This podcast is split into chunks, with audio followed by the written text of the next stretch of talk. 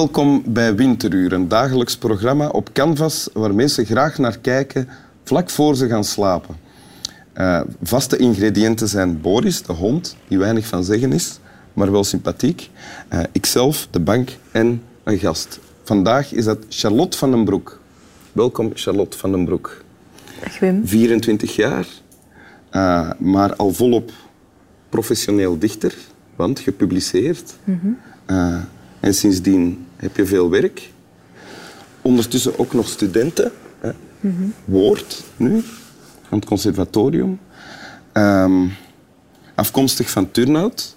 We hebben daarnet met elkaar gepraat, dus al die dingen weet ik nu. Ja. Uh, maar woonachtig te Antwerpen, zoals het gezegd. Klopt. Ja. Hoer ook? Ja.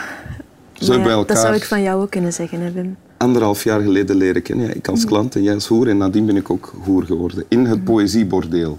Een plek waar uh, dichters zich prostitueren. Ja. Hè? Dat klopt, hè? Ja. We, moeten, we moeten niets doen, hè? En ik ben eigenlijk geen dichter, maar ik heb mij voor de gelegenheid wel geprostitueerd. Om erbij te kunnen horen. Omdat ik ook... Hè, dus uh, vat het zo wat samen. Maar uh, daarover hebben we het niet vanavond. Ook al had u graag gehad dat dit gesprek volleiding, volleiding zou krijgen. Maar het gaat over een tekst die jij hebt meegebracht. Ja. Wil je die voorlezen voor ons? Ja, ik heb um, een fragment uit het boek Alpha van Ivo Michiels ja. meegebracht. Hoe ze opkeek naar hem en lachte en toch niet lachte. Daar onbeweeglijk stond met het hoopje kleren aan haar voeten en haar handen in een schelp op haar buik gevouwen. Toen begreep hij dat ze daar eeuwen en eeuwen reeds wachtte en hoe ze nu verwachtte van hem dat hij op haar toetrad om de schelp daar weg te nemen. En hij drukte zijn handen op de handen die een schelp waren op haar buik. En hij vleide zijn hoofd op de plaats waar hij de schelp had weggenomen. En geruime tijd bleef hij zo zitten. Voelde de warmte van het wachten dat eeuwen en eeuwen al in haar was. En ook het verlangen dat in hem was en ouder was dan de eeuwen en misschien niet eens meer een verlangen was, maar een rust die scheppen was. En een zwijgen dat prediken was en een stilte daarin die leven was. En nu, in deze stilte, haar lichaam in leven houden roerloos met zijn hoofd op haar buik de aarde in leven houden, de bomen, het bos, de sappen die opstegen uit de grond en de zon daarboven, de dag, de kleuren, het licht, alle leven en alles wat in dit leven leven was in leven houden, roerloos, met zijn hoofd op haar buik. Dank u. Vertel eens, hoe, wanneer heb je dit leren, leren kennen? Um, ik heb het zo'n drie jaar geleden gelezen, toen Ivo Michiels net overleed. Ja, je dacht, er is een schrijver dood, ik ga eens een boek lezen van die schrijver. Ja, heel intuïtief eigenlijk. Ja. En het werkte meteen. Het, het boek Alpha, mm -hmm. Ondertussen een soort cultboek geworden, -hmm. mag ik dat zeggen? Ja. ja uh, een boek waarvan gezegd wordt een boek voor snobs toen het uitkwam. Ja. Maar het, blijkbaar werkt het nog altijd, ook bij toen, de, de toen 21-jarige of 20-jarige Charlotte van den Broek. Ja. ja. Misschien was ik toen wel een snop, dat kan wel. Ah, ben je ooit snop geweest? Ja, ik weet niet. Een literaire snop. Ah ja, oké. Okay. Nee, maar het werkte meteen omdat het een heel dwingend boek is. Je kan letterlijk niet stoppen meer in te lezen, omdat er heel weinig punten zijn. De zinnen duren pagina's lang. En dus je moet je overgeven aan die taal, aan het stromen van die taal. En voor mij betekende dat, dat als ik erin begon, dat ik er niet meer onderuit kon. Dus dat betekent dat je begint te lezen en je stopt niet meer lezen, klopt dat? Ja. Het is ook maar 98 pagina's, dus ik heb het ook in één ruk uitgelezen. Ja, in een gulp, zeg maar. Hm. Ja. En dit fragment dat je hebt voorgelezen, wat gebeurt er hier? Het is één zin eigenlijk, hè? Ja. Ja, um, ja het hoofdpersonage, een soort lijfwacht, die uh, idealiseert zijn vriendin altijd heel erg in zijn gedachten aan. En dit is het moment voor ze gaan vrijen, eigenlijk. In zijn fantasie? Ja. Ja. Of ja, het wordt een beetje in het midden gelaten, want het is een soort stream of consciousness ja. met werkelijkheid dus en gedachten door gebeurd elkaar. kunnen zijn. Ja. ja. Of het is misschien een herinnering aan dat het gebeurd is al. Of... Ah ja, maar het is het moment voor ze gaan vrijen. Mm -hmm. Dus samengevat staat er, ze gaan vrijen. Ja, maar dan beter, hè? Maar dan beter. Ja. Want als die zin er zo stond, dan zou je hem niet gekozen hebben. Nee, dat denk ik niet. Nee? Nee, wat ik hier zo mooi aan vind, is dat als er zou staan ze gaan vrijen, dan zou het een soort ban bana banale handeling worden. Ja, Ja? Niet dat vrij banaal is, maar wel hoe het dan verwoord zijn. Wat hier zo mooi aan is, is ja, het krijgt iets sacraal. Hè. Het gaat over die vrouw die daar op hem wacht, maar eigenlijk staat hij daar al eeuwen en eeuwen als een soort, ik weet niet, moeder aarde. Er is een soort tijdloosheid die opgeroepen wordt. Ja? En dat moment wordt zo opgetild uit, zijn, uit de pure handeling. Het gaat om de verwachting en verlangen. En... Waardoor het veel meer wordt dan de mededeling ze gaan vrijen. Ja. Wat wordt het dan allemaal voor jou? Welk effect heeft het dan? Ja, je wordt nieuwsgierig. Je, je wilt verder gaan. Je wilt mee in die handeling opgaan bijna als lezer. Ja. Ja. Raak je opgewonden zelf als je dit leest? Nee, dat, dat niet. Maar eh, het is een soort ja, geestelijke opwinding wel. Omdat ik zo word meegevoerd in Ja? een nakend moment. Ah, ja. Maar ik zou het niet zo in een intieme context aan iemand voorlezen. Om... Ah nee, of laten voorlezen ook niet.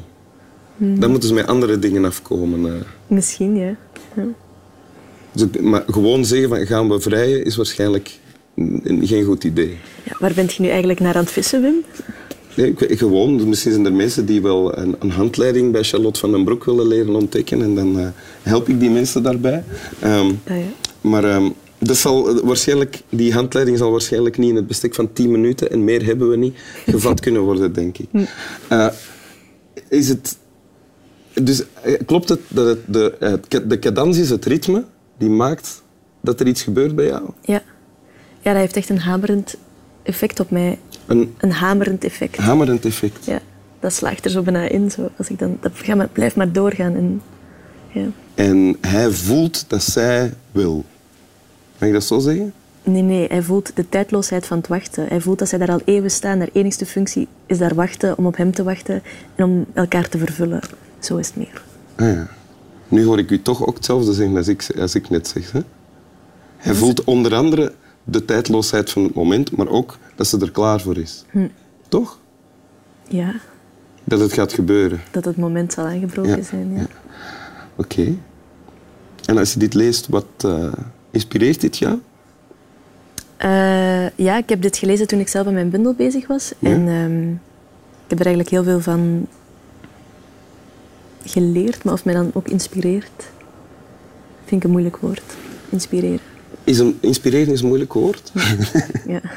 Lijkt me typisch iets voor een, een jonge dichteres om zoiets te zeggen. Wat is er moeilijk aan inspireren? Ik vind eh, inspiratie iets heel passief, alsof ik moet zitten wachten op iets waardoor ik dan aan het werk kan of zo. Ah ja. Dus, Ah, ja, ja. Nee, bij mij is dat niet zo. Ik kan, ik kan eh, inspiratie genereren bij mezelf. Ik weet als ik en hoe naar... doe je dat?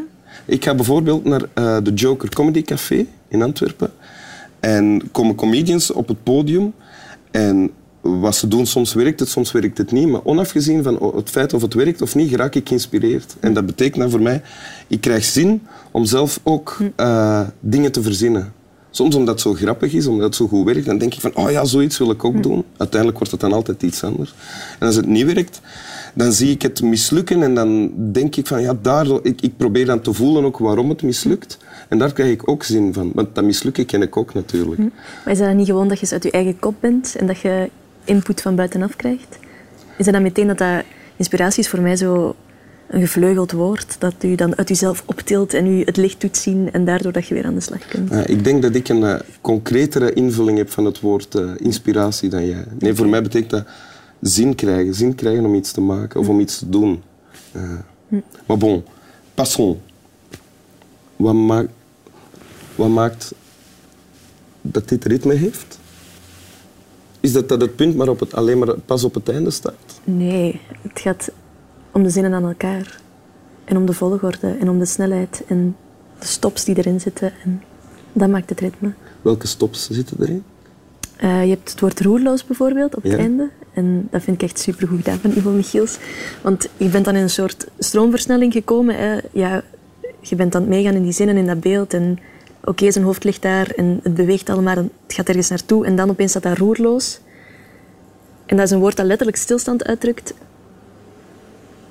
Maar het is ook op het juiste moment daar dat heel dat beeld verstilt. helemaal op het einde van, het, van de zin. Ja, het staat daarvoor ook al eens, maar dan heeft het minder effect. Op het einde van die zin wordt het herhaald en dan verstilt alles ook. En dan komt daarachter nog, eh, hij legt haar hoofd op haar buik.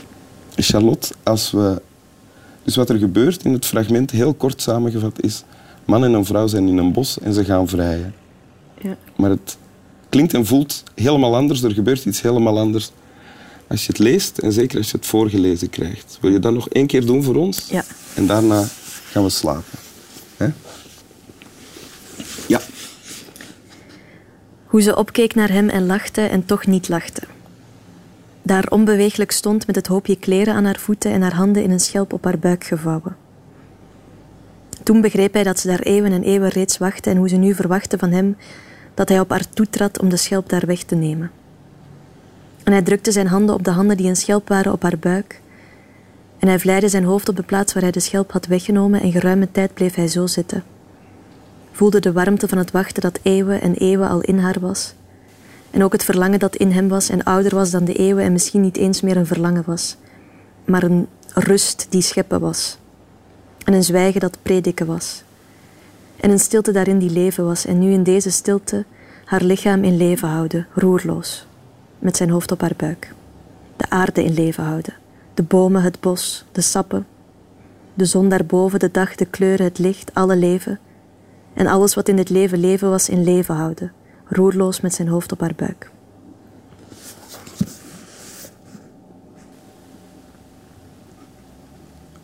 Slaap wel.